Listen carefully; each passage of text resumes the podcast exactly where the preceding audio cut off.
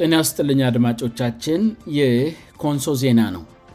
አሁን የዕለቱን አንኳር ዜና የምናቀርብበት ጊዜ ላይ ደርሰናል ዜናውን የማቀርብላችሁ የቬሎናታይ ነኝ አብራችኑ ነው አርስተ ዜናዎቹን በማስቀደም የዕለት ሐሙስ መጋቢት 15 ቀን 214 ዓ አንኳር ዜናዎችን አሰማለሁ የኮንሶ ዞን ትምህርት መምሪያ በተማሪዎች ውጤት ጉዳይ ቅሬታ ሊያቀርብ መሆኑን አስታወቀ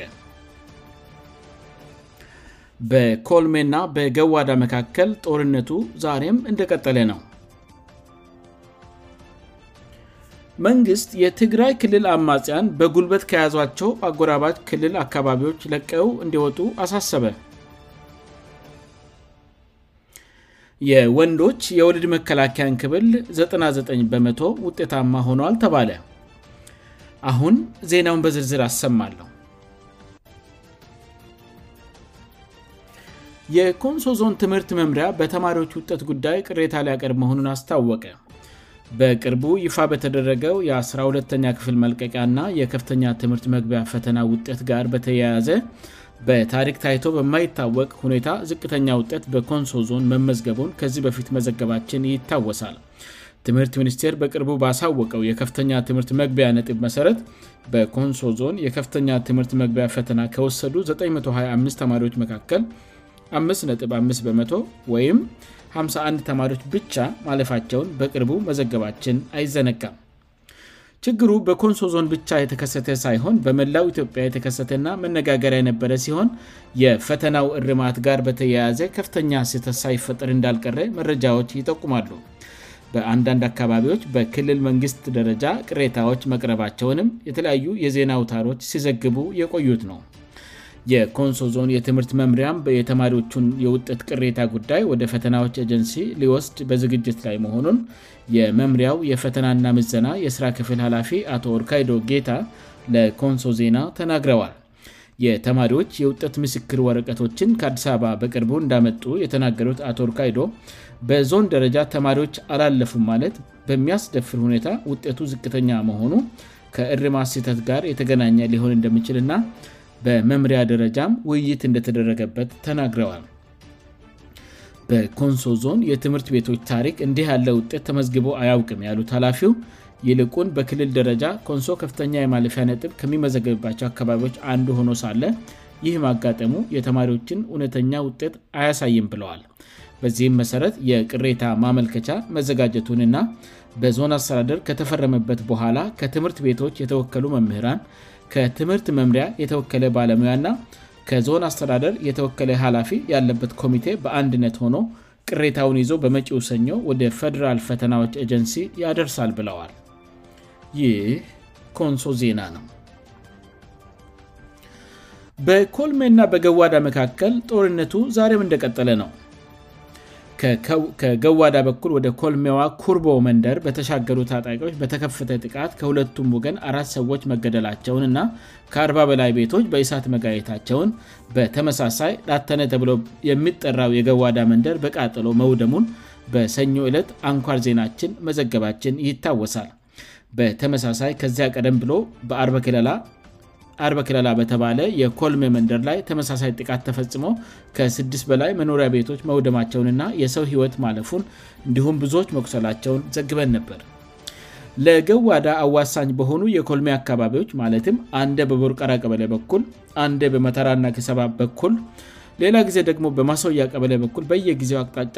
በሚቀያይሩ ጥቃት ፈፃሚዎች በኮልሜ ህዝብ ላይ የሚደርሱ ጥቃቶች ዛም እንደቀጠሉ ናቸው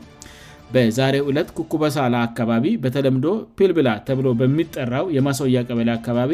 ከፍተኛ ቁጥር ያላቸው በግምት ቁጥራቸው ከ5060 የሚገመቱ እና የልዩ ኃይድ የቀድሞ ዩኒፎርም የሚመስል ቡራቡሬ ልብስ የለበሱ ታጣቂዎች ከብቶችን መዝረፋቸውን ተከትሎ በተቀሰቀሰ ግጭት ሙሉውን ቀን በአካባቢው ላይ ውጊያ ሲደረግ መዋሉን የኮንሶ ዜና የመረጃ ምንጮች ተናገሩ ዩኒፎርም ለባሾቹ ወደ አርብቷ አደሮቹ ሰፈር ሲመጡ የመንግስት ልዩ ኃይል አባላት መምሰላቸውንና እንደ መትርየስ ያሉ ከባድ መሳሪያዎችንም መታጠቃቸው ተገልጿል ይሁንና ከፍተኛ ቁጥር ያላቸው ከብቶችን ከፕልብላ አካባቢ ዘርፈው ለመድ በመሞከራቸው የመንግስት የልዩ ኃይል አባላት እንዳልሆኑና ዘራፊ ታጣቂዎች መሆናቸውን የአካባቢው ነዋሪዎች በመጠርጠራቸው በከብት ዘራፊዎቹ ላይ ተኩስ በመክፈት ከብቶቹንም ማስጣላቸው ታውቋል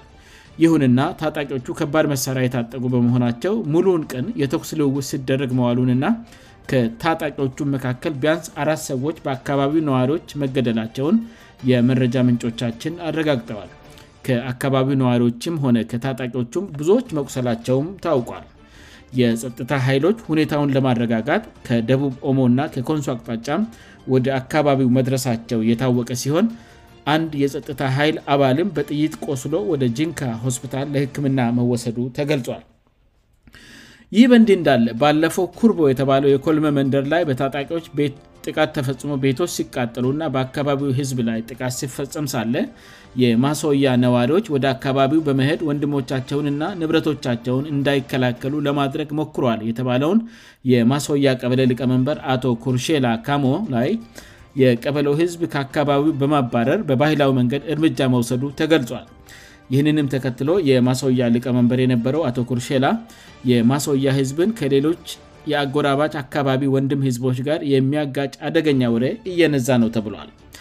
አንዳንድ ጊዜ የልዩ ኃይል ሰራዊት እንኳን በቂ ኃይል የለንም በማለት ህዝብ ላይ ጥቃት በሚከፈትበት ወቅት መከላከል በማይችልበት ሁኔታ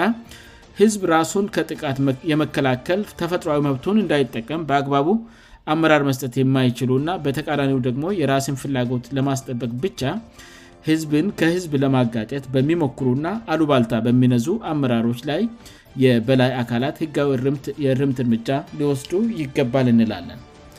ይህ ኮንሶ ዜና ነው መንግስት የትግራይ ክልል አማጽያን በጉልበት ከያዟቸው አጎራባሽ ክልል አካባቢዎች ለቀው እንዲወጡ አሳስበ በትግራይ ክልል የሚገኙ አማጽያን ከማንኛቸውም የጥቃት እንቅስቃሴ እንድታቀቡእና በኃይል ከያዟቸው አጎራባጅ ክልሎች ማለትም ከአፋርና ከአማራ አካባቢዎች ለቀው እንዲወጡ መንግስት አሳሰበ የመንግስት ኮሚኒኬሽን አገልግሎት ዛሬ ባወጣው መግለጫ እንዳስታወቀው መንግስት ለሰብውነት ስባል ግጭት ለማቆም ወስኗል መንግስት እዚህ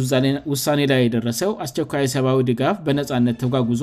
ለእርዳታ ፈላጊዎች ለማድረስ እንዲቻል መሆኑን ገልጿል መንግስት ግጭቱ እንዲቆም ማድረጉ በሰመን ኢትዮጵያ ያለውን ሁኔታ ሊያሻሽለው እንደምችል እና በቀጣይ ያለ ተጨማሪ ደን መፋሰስ መፍትሄ ሊመጣ እንደምችልም ጠቁመዋል መንግስት በትግራይ ክልል ለሚገኙ ሰብአዊ ድጋፍ ለሚያስፈልጋቸው ዜጎች የሰብዊ ድጋፍ አቅርቦቱ የተሳለጠ እንዲሆን የተለያዩ እርምጫዎችን በመውሰድ ላይ እንደሚገኝም አስታውቋል የተባበሩት መንግስታት የሰብዊ እርዳታ የአየር በረራዎች ቁጥር እንድጨምርና ለእርዳታ አቅራቢ ድርጅቶች የነዳጅና የጥረ ገንዘብ የሚቀርብበትን ስርዓት የተሳለጠ እንዲሆን መደረጉንም አስታውቋል የዓለም አቀፉ የቀይ መስቀል ኮሚቴ የዓለም ጤና ድርጅትእና የአውሮፓ ህብረት የሰብዊ እርዳታዎችን ማድረስ እንድችሉ የአየር በረራ መመቻቸቱንም አክሏል መንግስት በአባላ መቀለ የየብስ ትራንስፖርት መስመር በኩል የሰብዊ እርዳታ አቅርቦት መድረስ እንድችል አስፈላጊውን ሁሉ እያደረገ የሚገኝ ቢሆንም በአሁኑ ወቅት በሺዎች የሚቆጠሩ የትግራይ ክልል ነዋሪዎች የሰብአዊ እርዳታን ፍለጋ ወደ አጎራባች ክልሎች እየተጓዘ መሆኑንም አገልግሎቱ ጠቁመዋል በመሆኑም በትግራይ አጎራባ ክልሎች የሚኖሩ ዜጎች ከትግራይ ክልል የሚመጡ የሰብዊ እርዳታ ፈላጊ ዜጎችን ተቀብሎ በማስሰናገድ ላይ መሆናቸውንና ይሄም በጎ ተግባር በህዝቦች መካከል ያለውን የወንድማማችነት ና የአንድነት መንፈስ የሚያሳይ መሆኑን ገልጿል የሰብዊ እርዳታ ከቀያቸው ሳይፈናቀሉ ባሉበት እንዲደርሳቸው ብደረግ እንግልታቸውን እንደሚቀንስም እምነቱ መሆኑንም አክሏል በመሆኑም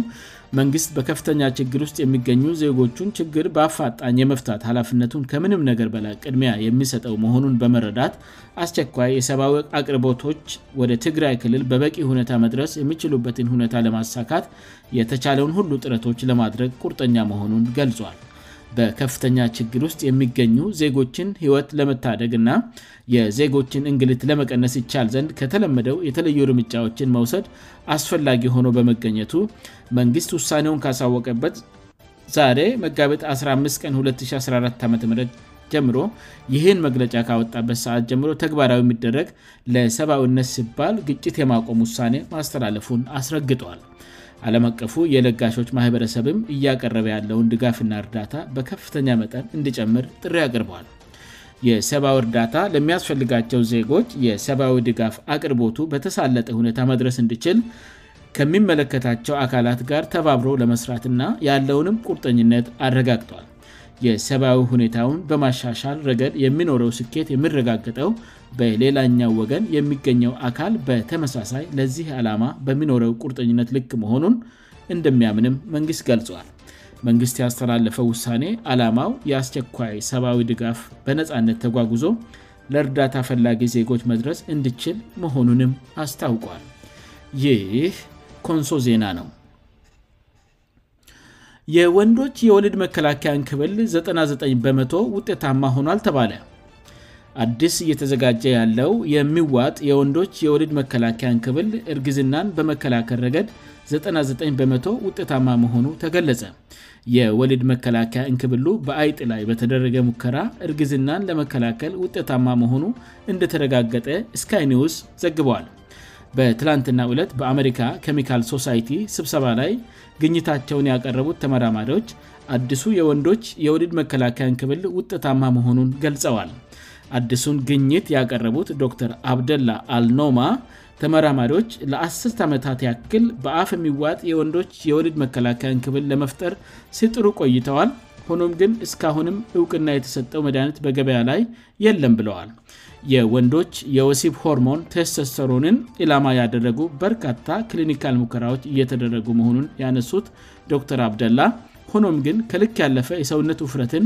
ድብርትንና ሌሎች የጎንዮች ጉዳቶችን የሚያስከትሉ ናቸው ብለዋል አሁን የተሰራው የወንዶች የወልድ መከላከያን ክብል ግን ከሆርሞን ጋራ ግንኙነት የሌለው መሆኑን በመጥቀዝ በቅርቡ በሰዎች ላይ ሙከራ ማድረግ እንደሚጀመር አስታውቀዋል አድሱ የወልድ መከላከያ በሴቶች ላይ ብቻ የነበረውን ጫና ያቃልላል የሚል ተስፋ እንደተጣለበት ተነግረል ምክንያቱም ሴቶች እርግዝናን ለመከላከል የተለያዩ መድኃኒቶችን ከመዋጥ ጀምሮ ማይፀን ውስጥ የሚገቡ መሳሪያዎችን እስከመጠቀም ይገደዳሉ በተቃራኒው ወንዶች ግን ኮንዶሚን የሚጠቀሙ ሲሆን ከዚህ በዘለለ ቫaሴክቶሚ የተባለ ና በቋምነት እንዳይወልዱ የሚያደርግ የቀዶ ጥገና አማራጭ ብቻ ነው ያለው በወንዶች ላይ ለወልድ መከላከያ የሚደረገው ቫaሴክቶሚ የተባለው ሂደት ቀዶ ጥገና ህክምናው በዋጋ ውድ ሲሆን ብዙም ስኬታማ እንዳልሆነ ይነገራል ይህ ኮንሶ ዜና ነው አድማጮቻችን ዜናውን ከማብቃተ በፊት አርስ ዜናዎቹን በድጋሚ አሰማለሁ የኮንሶ ዞን ትምህርት መምሪያ በተማሪዎች ውጠት ጉዳይ ቅሬታ ሊያቀርብ መሆኑን አስታወቀ በኮልሜ ና በገዋዳ መካከል ጦርነቱ ዛሬም እንደቀጠለ ነው